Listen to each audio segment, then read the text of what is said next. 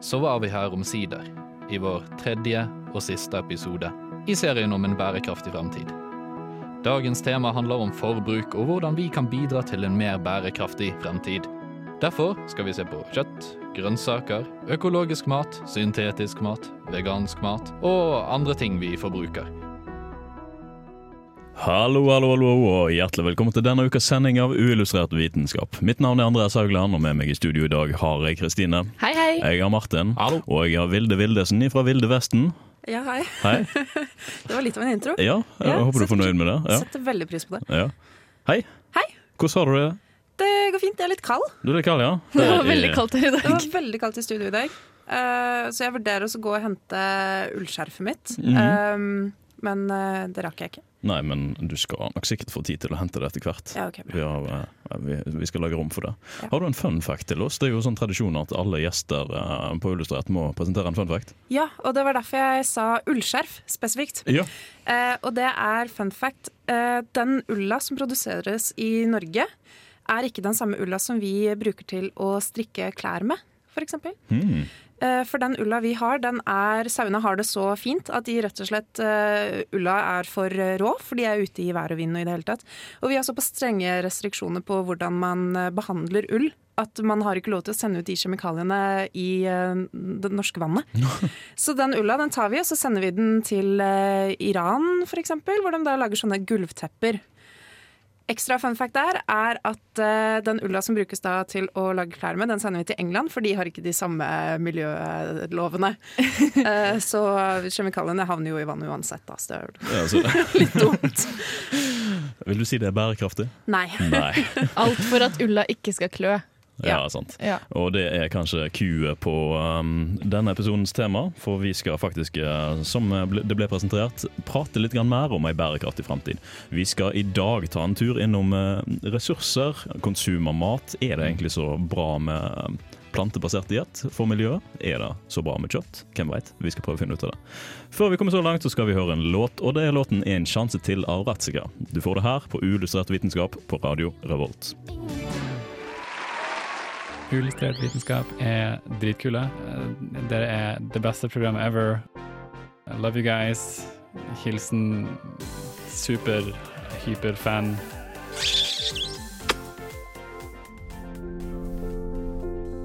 Lenge før sola sluker jorda og vi må flytte til andre planeter, kommer ikke mennesker til å kunne leve her. For hva skal vi leve av når vi går tom for ressurser? Og det er kanskje ikke så lenge til vi går tom for ressurser. For selv om vi bytter til elbiler alle sammen, vil vi gå tom for bly og andre metaller som trengs til å lage batterier. Og bytter vi ut plast med papir, må vi kaste mer mat. Bytter vi til plantebasert mat alle sammen, så går vi tom for fosfor til å lage gjødsel av. Og bytter vi ut egg og bacon med avokadotoast, går vi tom for vann.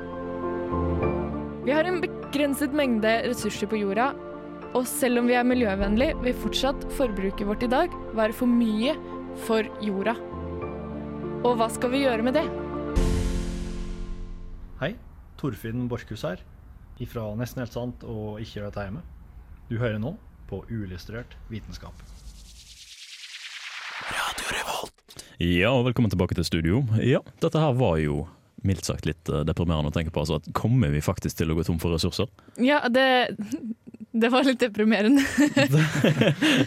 Men det er jo faktisk et viktig um, poeng i denne diskusjonen. da. Vi har jo et forbruk som er veldig høyt. Om, um, om det er bærekraftig, det er vanskelig å si, egentlig. Men mange argumenterer jo for at ja, det er det, men ting blir distribuert feil. Eller nei, dette her er på en måte ikke i det hele tatt. Det er liksom forskjellige vinklinger.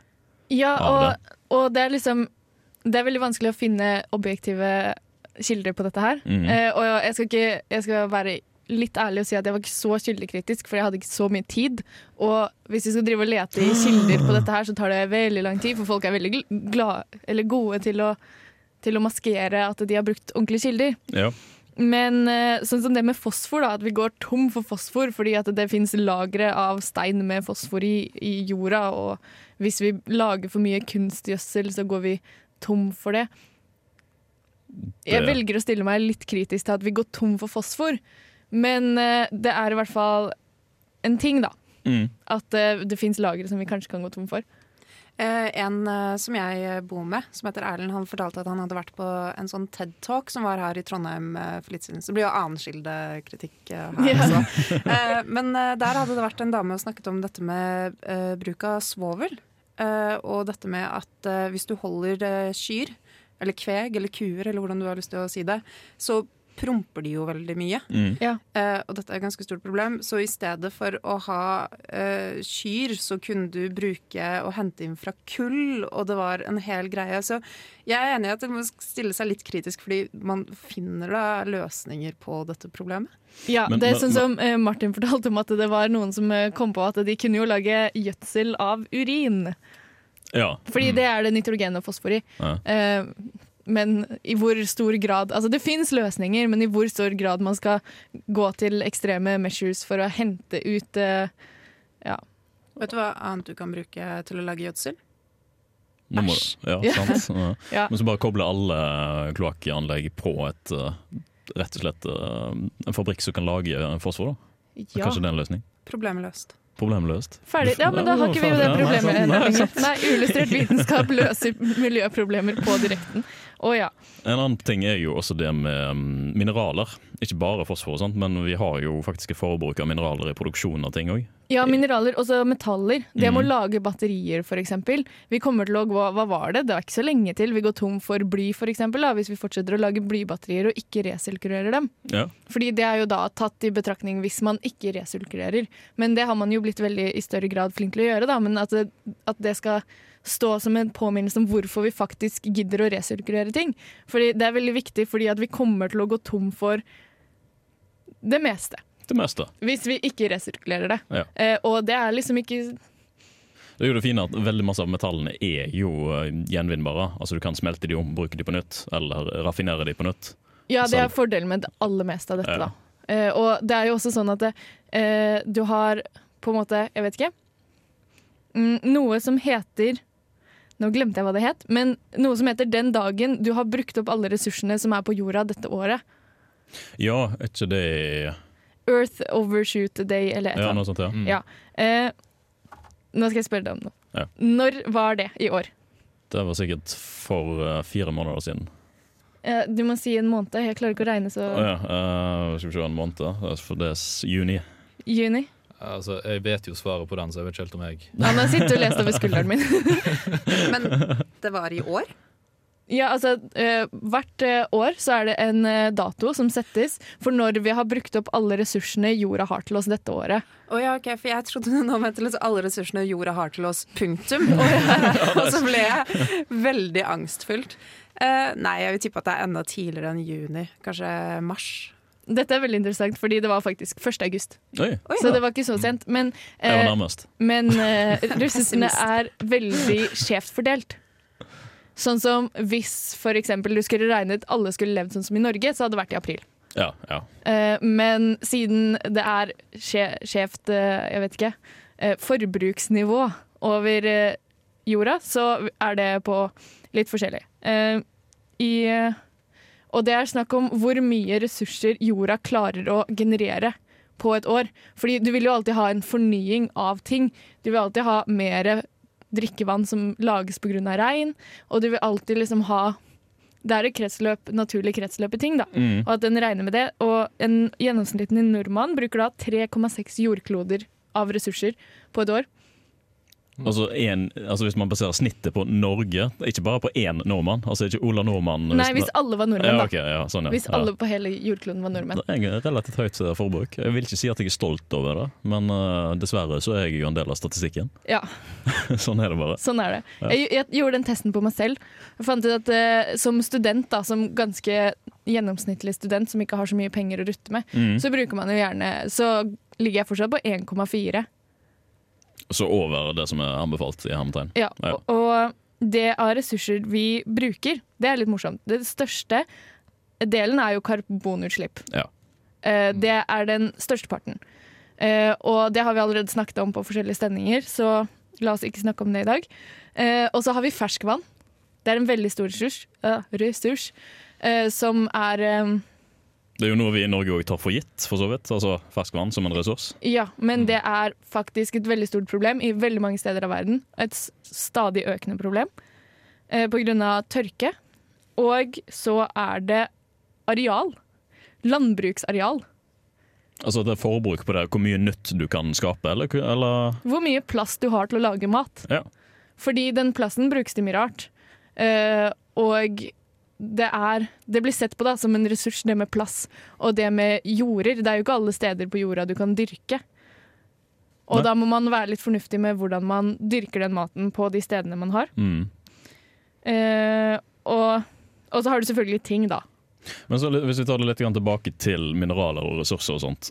eh, det er jo, Hvis det går tomt, så går det tomt. Hva, hva kan vi se for oss at vi skal gjøre der, egentlig? Det, hvor kan vi få nye ressurser? Vi kan resirkulere det vi har, Ja. eller så må vi faktisk dra til verdensrommet og hente det der ute. Ja, det var jo litt det svaret jeg lette etter. Ja, det var det svaret du lette etter. Ja, ja, ja. Nei, eh, da må vi faktisk bare finne oss et hjem på en annen planet, dra til Mars, lage en koloni og sende verdifulle metaller tilbake igjen til jorda. For Ja. der sitter de stakkarene som var så dumme at de brukte opp alt det de hadde. Mm, Jeg liker at du sier de som om ikke det er oss. Vi Vi. som brukte opp alt det vi hadde. Så dumme er vi. Vi skal jo forandre dette, for vi er jo en del av det grønne skiftet og alt mulig sånt. Så Det, det, høres litt ut som storyen til Red Faction, faktisk.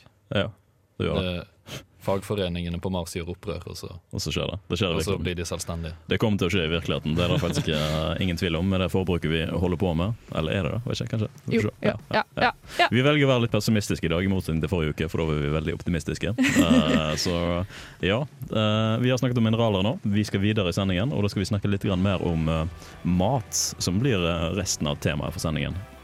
Vi skal duppe litt innom kjøttforbruk. Nordmenn er jo veldig glad i kjøtt. Ikke så glad i grønnsaker, tydeligvis, som det viser seg. Men uh, kanskje vi kan få dere til å gjøre noe mer med det. Før vi kommer så langt, skal vi høre 'Hvite bygninger' med Jon Olav. Jeg er Aksel Tidemann. Jeg jobber som forsker på kunstig intelligens ved Telenor Research, og du hører på uillustrert vitenskap.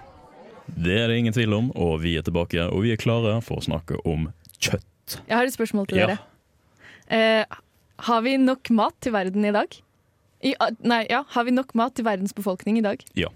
Eh, jeg sier nei. Bare for å gå mot det, altså, dere var veldig optimistiske. Ja, Flertallet optimisme her. ja. Ja, vi har nok mat til verden i dag. ja, for det er nettopp det jeg nevnte litt i sted, at det er et øh, Folk mener egentlig Du har sett grafen. Nei, Nei. ikke, jeg har ikke lest så mye på den grafen. Okay. Men, men det er veldig mange som diskuterer og argumenterer og mener at det er et distribusjonsproblem, ikke et produksjonsproblem. Ja, det er det. Det Eh, er et distribusjonsproblem. Det er to og en halv gang mer overvektige mennesker enn undervektige mennesker. mm, Eh, så det betyr at det er veldig mange som spiser for mye mat. Eh, sånn generelt. Nå skal vi ikke generalisere altfor mye for overvektige mennesker. Men det fins folk i denne verden som spiser altfor mye mat. Eh, som heller kunne gått til de som ikke har så mye mat. Ja. Det var eh, dagens moraltrekk. det er det. Men en, en, øh, en gjengang der også er jo at øh, ting blir distribuert der pengene ligger. Folk vil jo ha penger for varene sine. Ja, ja. Så det går jo ofte høy kvalitet og masse varer som koster litt per, eh, altså per gram protein, f.eks. Ja. Går jo til en storby eller en land med veldig bra eh, bruttonasjonalprodukt, skulle jeg si, eller kjøpekapasitet hos personer. Det er sant, og det er morsomt at du sier protein. Fordi folk spiser mer proteiner enn det de trenger. Det er også um, hva, hva var det det het? Det er eh, World Research Institute. Ja. World Research Institute. De har funnet ut det at eh, folk spiser altfor mye proteiner enn det de trenger. Spesielt i land med høy inntekt. Mm. Beklager. Og eh, det har, det har litt å si, da, fordi at det er jo proteiner som det er mangel på, og det er proteinproduksjonen som skaper mest eh, Hva heter det? Mm, mil- miljøavtrykk. Miljøavtrykk. Eh, og at den de aller meste proteinene som vi spiser for mye av, er animalsk protein. Eh, og at vi hadde kanskje gått litt bedre hvis vi spiste mer eh, planteproteiner. Eh, Det er jo også veldig mange som eh, snakker om dette med proteiner. Det er veldig mange som ikke har lyst til å spise planteproteiner rett og slett fordi det er ikke fullverdige proteiner. Og dermed spiser de utelukkende proteiner som kommer fra animalske produkter. Eh, og det vil jeg bare si nå med en gang at det er feil. Altså, det, Ja, det er enig ingenting som heter fullverdige Nei. proteiner. Proteiner er eh, proteiner. Ja. Um, og jeg vet at uh, bl.a. folk som er slankeopererte, som jo også er en ting som skjer i større og større grad nå, Mm. i, særlig i i-land som f.eks. Norge, så får de beskjed om å passe på proteininntaket. Og de må være veldig forsiktige med at de får i seg nok proteiner, fordi du spiser jo veldig mye mindre. Og da må du jo passe på at du får i deg i hvert fall nok av det du absolutt må ha. Ja, og du har jo litt grann, eh, Ja. redusert kapasitet på inntaket etterpå da? Absolutt. Og jeg mener vel at de tre hovedgruppene er jo fett, karbohydrater og proteiner. Jeg Ja. tror det er de tre viktigste. Mm. Uh, og da er det veldig mange som tenker at jeg kan ikke spise vegetarisk mat, for da får jeg ikke i meg nok proteiner. Og det er feil. Du kan spise tofu selv om du er slankeoperert. Ja, og så er det det at eh, du får i deg Altså, du må ha mange essensielle aminosyrer. At det betyr aminosyrer som kroppen ikke klarer å lage selv. Det får man Altså, hvis du spiser et stykke kjøtt, så får du i deg alle du trenger. Eh, hvis du spiser én grønnsak, så er det ikke sikkert du får i deg alle du trenger. Hvis du spiser en boks bønner, så er det ikke sikkert du får i deg alt du trenger. Men hva om du spiser flere forskjellige typer grønnsaker? Ja, hva om du spiser flere forskjellige proteinkilder på en dag? Hæ? Går det an? Istedenfor bare bønner. At du spiser bønner og Uh, jeg vet ikke tofu. som også er laget av bønner. Der, der kom jeg litt til kort. Ja, Men nei, tofu er jo laget av eh, soyabønner. Uh, men man kan f.eks. si nøtter. Ja, ja, det Nøtter er er en god kilde til eh, protein. Eller så kan man bruke ja, jeg vet ikke, hemp. Spinn. Det er kanskje et problem med fordøyelse av, Ja, det eh, av gress, skulle jeg til å si. Ja. Men det som er litt greia også, er jo at du finner proteiner i alt. Ja. Eh, Så hvis du spiser nok, eh, så skulle du fint klart å leve på bare poteter. Mm.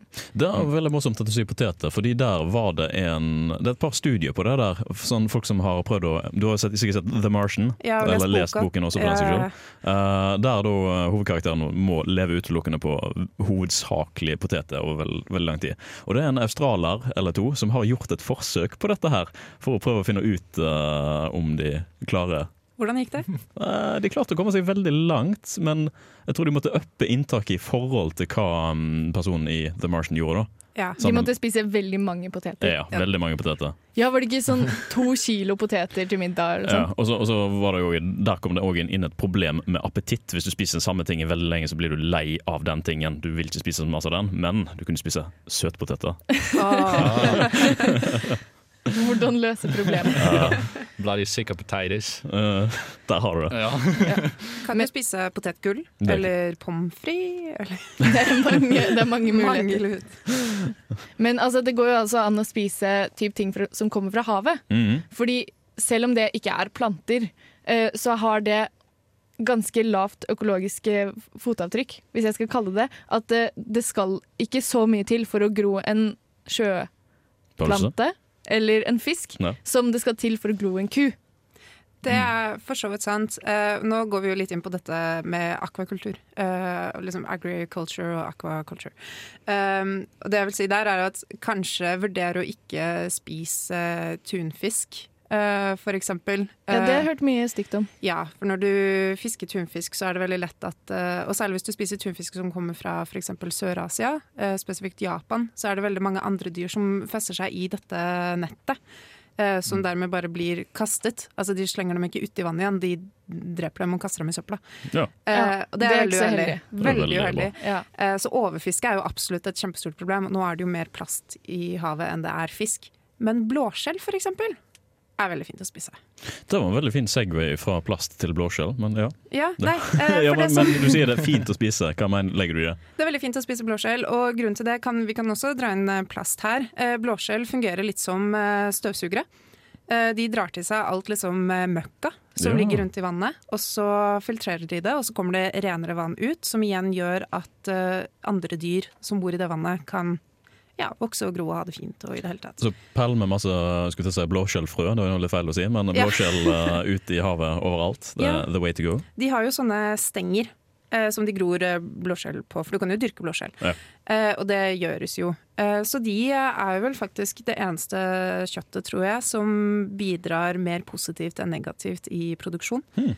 Eh, og selv om det ikke er så veldig deilig å skulle tenker på at man spiser naturens egen lille septic-tank, eh, så har vi jo veldig strenge regler på dette her med hvilke blåskjell som er lov å spise og ikke. Ja. Ja. Så det, er- det skal godt gjøres å spise giftige blåskjell som du har kjøpt på Ja. butikken. Det er helt sant. En uh, annen kilde til protein som vi ikke har touchet så veldig mye innom uh, enn så lenge, er jo det jo nettopp kunstig kjøtt. Altså, det forskes jo i store baner og bølger og lengder og alle breddemål holdt på å si, som finnes, i dette her med um, å kunne dyrke sitt eget kjøtt. Og det er det er underveis, men problemet er jo å få en struktur som, på dette kjøttet som ligner på faktisk kjøtt. For per nå så er det liksom en slags mesh av fett og hud Nei, ikke fett og hud, men fett og kjøtt som bare går og koser seg sammen, i stedet for at det ser ut som en biff.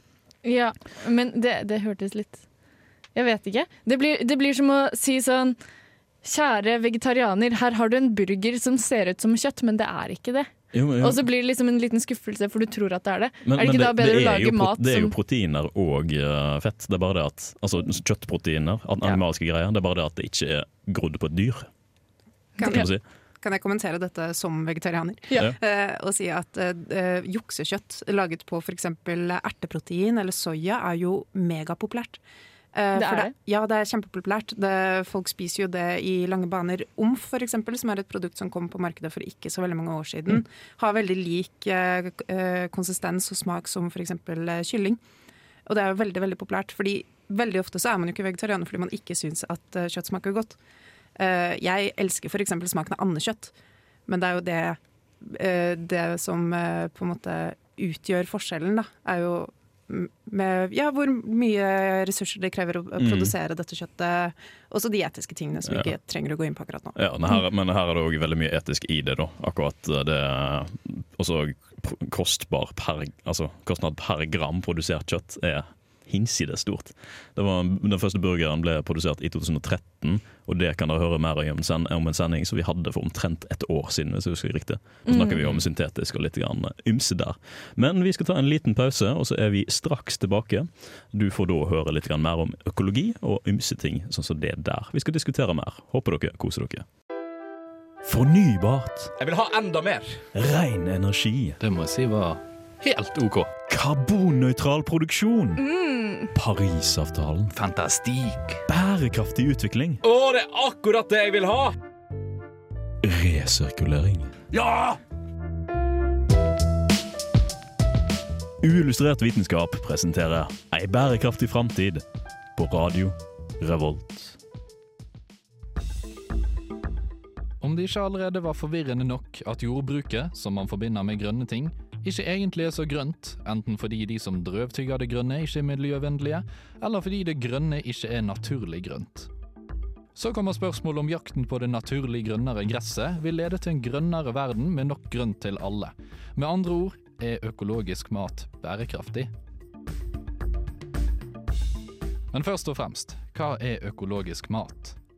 Jo, det er mat som er produsert uten bruk av kunstgjødsel og uten bruk av kjemiske og syntetiske plantevernmidler.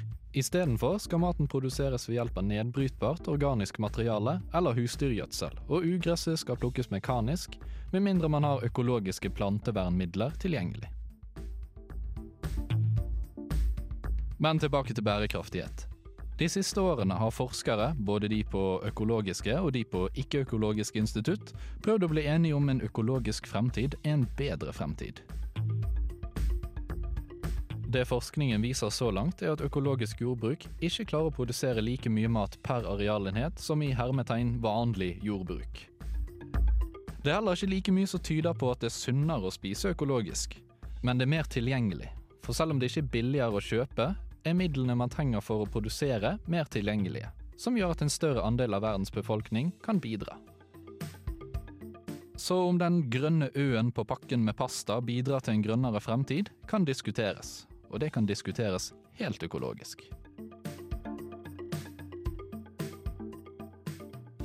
Hello, I'm Lynn Rothschild from NASA Ames Research Center, and this is Unillustrated. Og akkurat det å argumentere for at økologiske produkter er så veldig bra, det er litt sånn eh, Da ber du kanskje om trøbbel for folk som har lest eh, litt. Grann. Ja. Det er jo ekstremt omdiskutert. Ja, bra, Å, ja. Å, det er så bra. Du har ikke gifter som uh, forpester produktene våre, og du har ikke dette som slipper ut i naturen osv. Ja, for det er jo der mesteparten av diskusjonen går. Det handler jo om sprøytemidler, det handler om kunstgjødsel, hva det har å si for jorden, rett og slett. Ja. Eh, hvordan det øker mengden nitrogen i jorden, f.eks. har vært dratt opp som et argument mot kunstgjødsel. Samtidig så eh, påpeker kritikerne at man trenger mer areal for å drive økologisk, fordi man produserer ikke mat like effektivt. Det er òg større sjanse for at man ikke får produsert mat, altså det ikke vokser skikkelig. Ja. Så man kan vokse mer og bruke mindre areal ved å ikke bruke økologisk. Men samtidig så må man da bruke sprøytemidler og kunstgjødsel. Ja. Altså for Dette er jo ting som er utvikla utelukkende for å effektivisere jordbruk. Det er jo Ja. ikke akkurat sånn at det er utvikla for å um, forpeste mennesker. Nei, nei, nei. nei. Nei, men man har bo bomma litt, da. Det har Eh, man. Opp gjennom Ja. tidene, og sikkert nå i dag også, med hvordan plantevernmidler påvirker oss mennesker. Altså, ja, ja, ja. eh, Planteforgiftning av plantevernmidler, det er ikke pent. Eh, Nei, ja. Kan jeg også si at eh, Det brukes jo sprøytemidler i organisk eh, produksjon også. Hvis ikke så hadde jo alle insektene bare spist opp all den Ja. maten. Eh, og det man kan diskutere der, er jo hvor gode de er for bier. Mm. Er et spørsmål som dukker opp. Ja, biedebatten har jo òg vært veldig stor. Om det er bra for biene, for biene de bestøver jo planter. Så hvis de forsvinner, så går det veldig hardt utover planter. Mm. Da kan ikke de spre seg like lett. Så det har vært brukt. Eh, ja, og som sagt, det er jo ikke sånn at økologisk er helt uten sprøytemidler. De bruker sånn økologisk godkjente sprøytemidler. Ah. Eh, jeg vet ikke helt hva det består av. Det satte meg ikke helt inn i. Er de produsert økologisk, kanskje? Ja, Det må jo Du altså. jeg tror du får litt det naturlige argumentet inn. At det skal være så naturlig som mulig. Eh, Mm. Og så er det mye rart som er naturlig, og mye rart som ikke er naturlig, som er mye mindre farlig enn det som er naturlig. Men jeg vet ikke hvor mye jeg kan si om det, siden jeg ikke vet så mye om de der sprøytemidlene. Eh, Et eh, slag for det med at eh, det naturlige ikke nødvendigvis er det beste. Jeg følger en YouTuber som heter Unnatural Vegan. Eh, Som eh, egentlig bare sitter og snakker eh, enten informativt om veganisme eller dritt om andre veganere på YouTube. Så er det liksom vegan drama. Men hun er veldig forkjemper på dette her med at du må faktisk ha tilskudd, vitaminer. B12 for eksempel får du jo ikke i deg hvis du ikke spiser animalske produkter. Eh, og hun sier det at uh, det viktigste er jo ikke nødvendigvis hva som er naturlig eller ikke, det viktigste er hva som er best. Mm. Ja, Ja. Og så kan man jo argumentere for at jordbruk i seg sjøl er jo ikke naturlig. nei, du kan dra den så langt, faktisk. Ja. Så det, er jo, det, det forskerne klarer å enes om, da, er jo det at man må kutte ned på kjøtt og mm. spise mer grønt. Ja. Eh, Et problem med det er jo at da er det færre dyr, og dermed mindre dyregjødsel. Ja, Så du får ikke nok uh, gjødsel til å produsere planter som vi kan spise? Og da må du ha Potensielt. Potensielt, ja. kunstgjødsel. Men hva er galt med at du får for mye nitrogen i jorda, egentlig? Og vi har fått inn en person fra Ås landbrukshøgskole her på lufta. Nei. Nei, altså jeg vet at det kan være et problem hvis det renner ut i uh, Hvis du eh, regner på denne jorda med nitrogen i, og så havner det i vann, og så får du algeoppblomstring av vannet som fører til at du får bare sånn lag med sånn grønt oppå vannet, og da eh, det bruker opp oksygen blant annet og skygger litt for sola, sånn at du får ikke noe oksygen i det vannet, og dermed dreper du alt som bor der. Så egentlig det du driver på med, da er anarob fermentering av fiskene i vannet? Oi, oi, oi.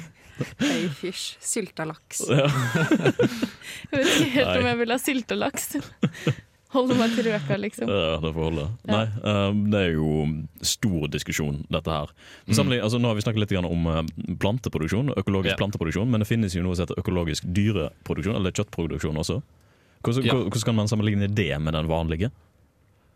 Jo, nå skal du høre. Ja, Jeg satte meg stort sett bare inn i planteproduksjon fordi det var nok eh, å se på der. Fordi jeg leste en artikkel som sa dette her er superbra, en artikkel som sa dette her er helt elendig. Og så måtte jeg liksom sitte sånn og se på det. Så jeg kom dessverre ikke helt til dyr. Nei. Men det går jo litt sånn på kraftfôr og uh, hva de får i seg av diverse andre uh, ja, du kunne jo Ja, nei, jeg bare Nå bare snakket jeg for å snakke. Ja.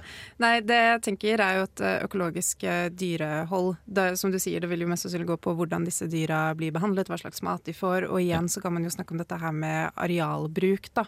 Ja. Eh, for eh, du bruker jo veldig mye mer eh, areal bare Mm. for å fòre en eh, ku eller en gris eller en kylling enn du ville gjort hvis du bare skulle fòre et menneske. Ja, Mm. faktisk. Ja, for jeg mener jeg har lest et sted at rundt to tredjedeler av avlingene går til dyr.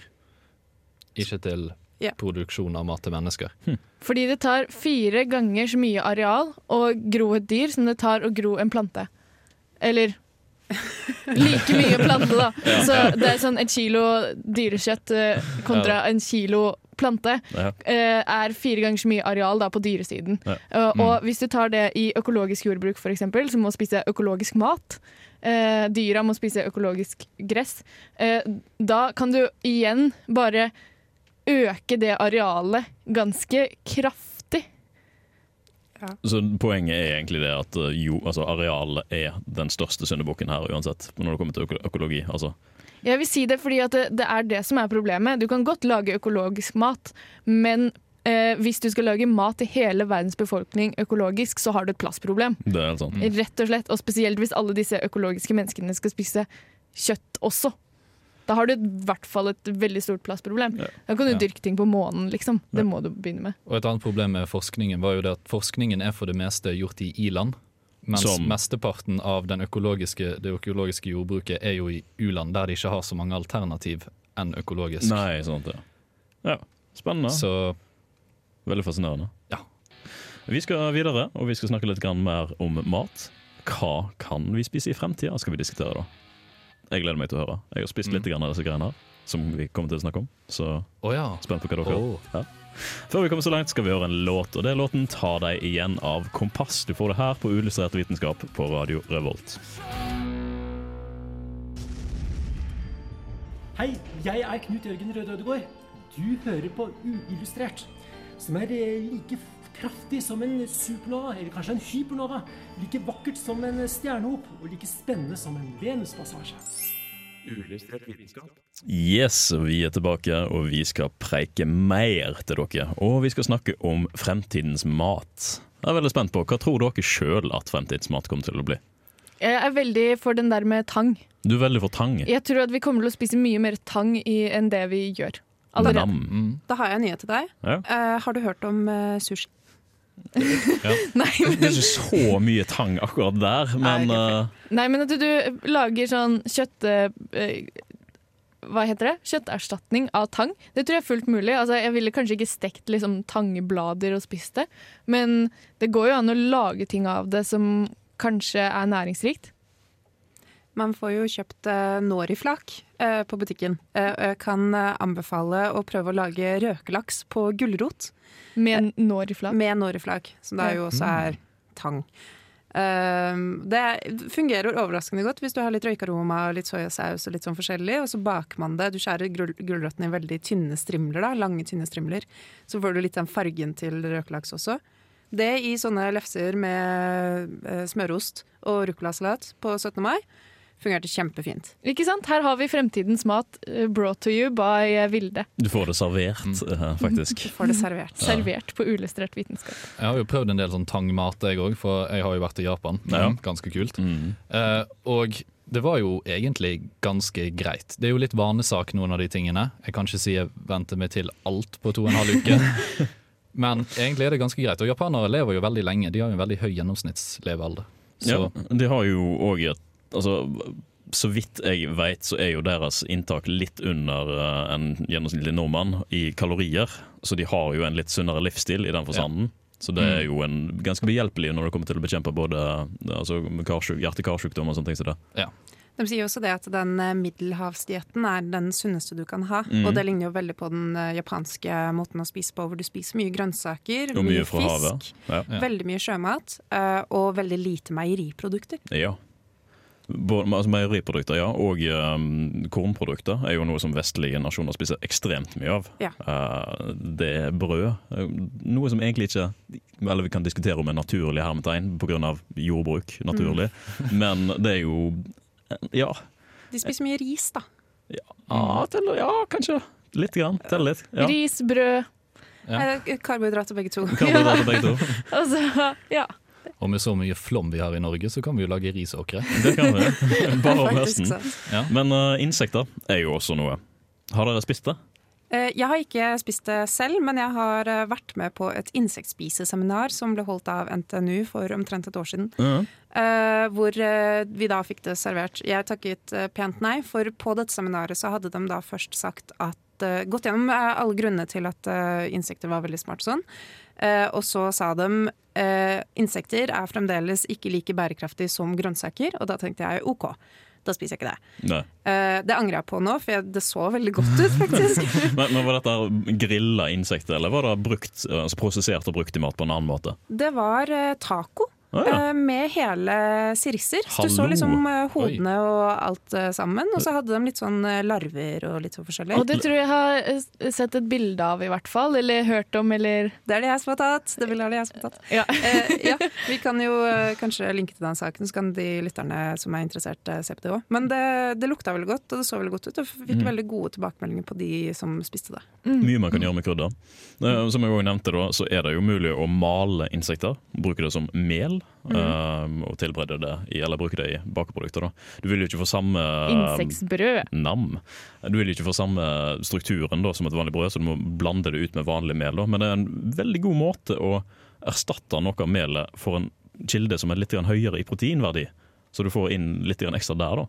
Du kan lage knekkebrød av det. Det Da trenger du ikke å ha struktur. Eller så kan du bruke melormer. Melbiller. Nam. Men jeg kan jo se for meg at det blir litt vanskelig å overbevise folk om å spise insekter. Jeg vet ikke helt om det er arv eller miljø som gjør at vi har den eh, Jeg lurer litt på, det, altså det er nok sikkert miljøet. Hvis du er litt sånn prippent rikt land, så er det sånn Nei, jeg skal ikke, jeg skal Ja, ikke nei. synke så lavt at jeg spiser Skal ha insekter. en biff på grillen. Ja. Gjør meg en indrefilet. Så det er jo ikke veldig kult å gå på dyrehandelen for å kjøpe Jeg skal ha middag i dag, liksom. Jeg har kommet til kassen her har en halvkilo med larve. Ja, men du får jo kjøpt det. De selger jo det hvis du f.eks. har eh, taranteller som kjæledyr ja. og, og sånn, så må man jo ha insekter til dem. Og Kristine lagde det samme ansiktet som jeg ville laget. Eh, pure disgust. Men det er mulig. Jeg vet at eh, en NRK-serie gjorde det med hun kona til Tore Sagen. Ja, Ja. stemmer, stemmer. Eh, ikke Line Elsås Hagen, men hun andre. Eh, hvor hun da lagde siristaco. Mm. Nam-nam. Ville dere spist det hvis dere fikk muligheten? Ja.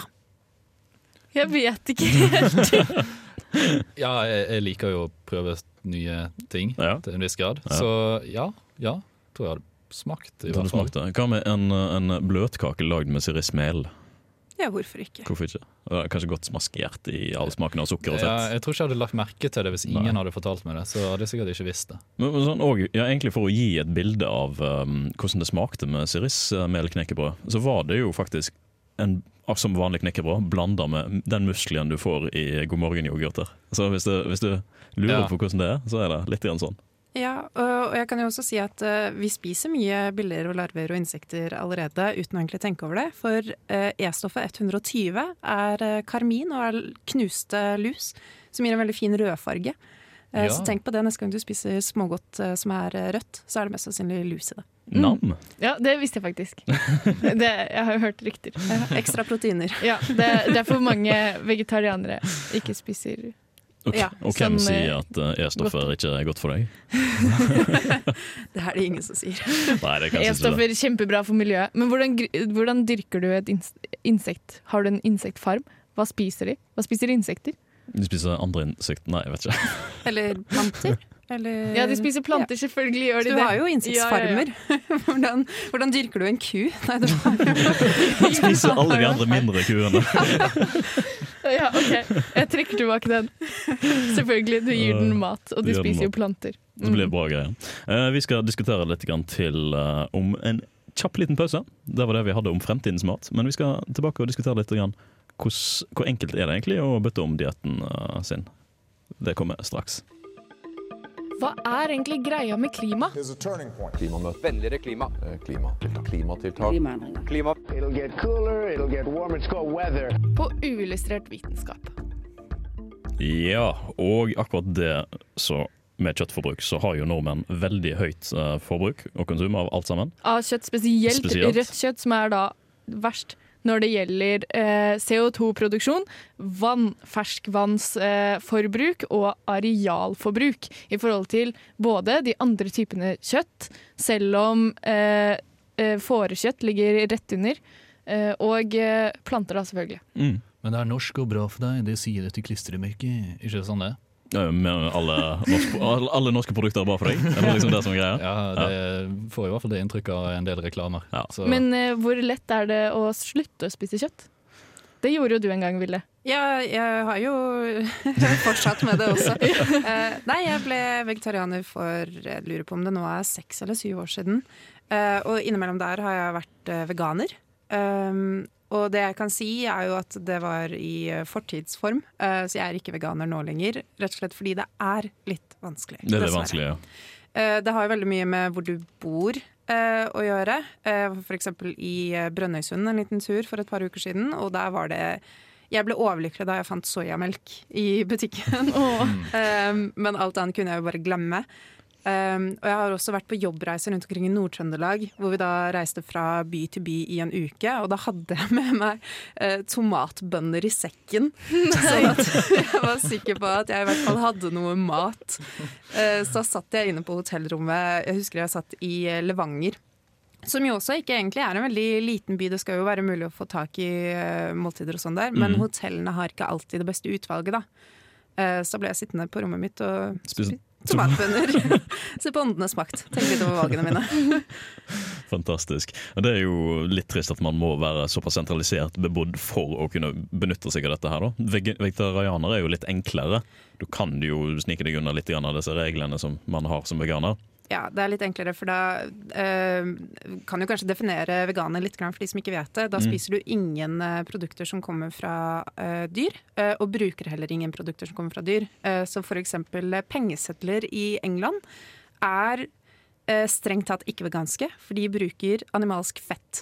Veldig slitsomt å måtte gå rundt med mynter hele tiden. Veldig slitsomt. Eller betale med kort, da, Ja, for så vidt, ja. som er veldig lett. Nei, nei, nei, ikke, ikke gjør det for enkelt.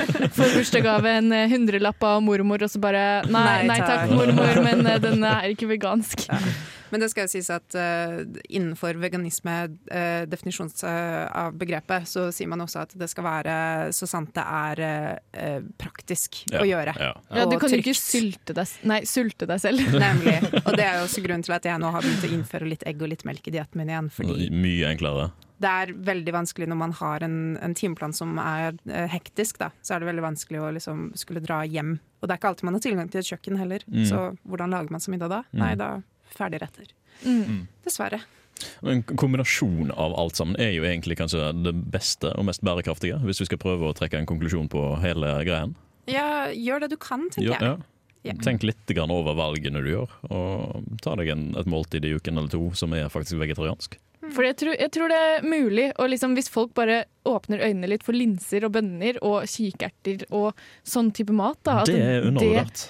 Kan fungere. Du trenger ikke å ha det Du trenger ikke å ha kjøtt i en gryte hvis du har bønner og kikerter og linser. Og, eller ikke alle tre samtidig, men Bruk krydder, lær deg å bruke krydder også, så kan så du smaker ting faktisk godt likevel. Mm, tro? Det letteste du kan eh, starte med, er fredagstacoen.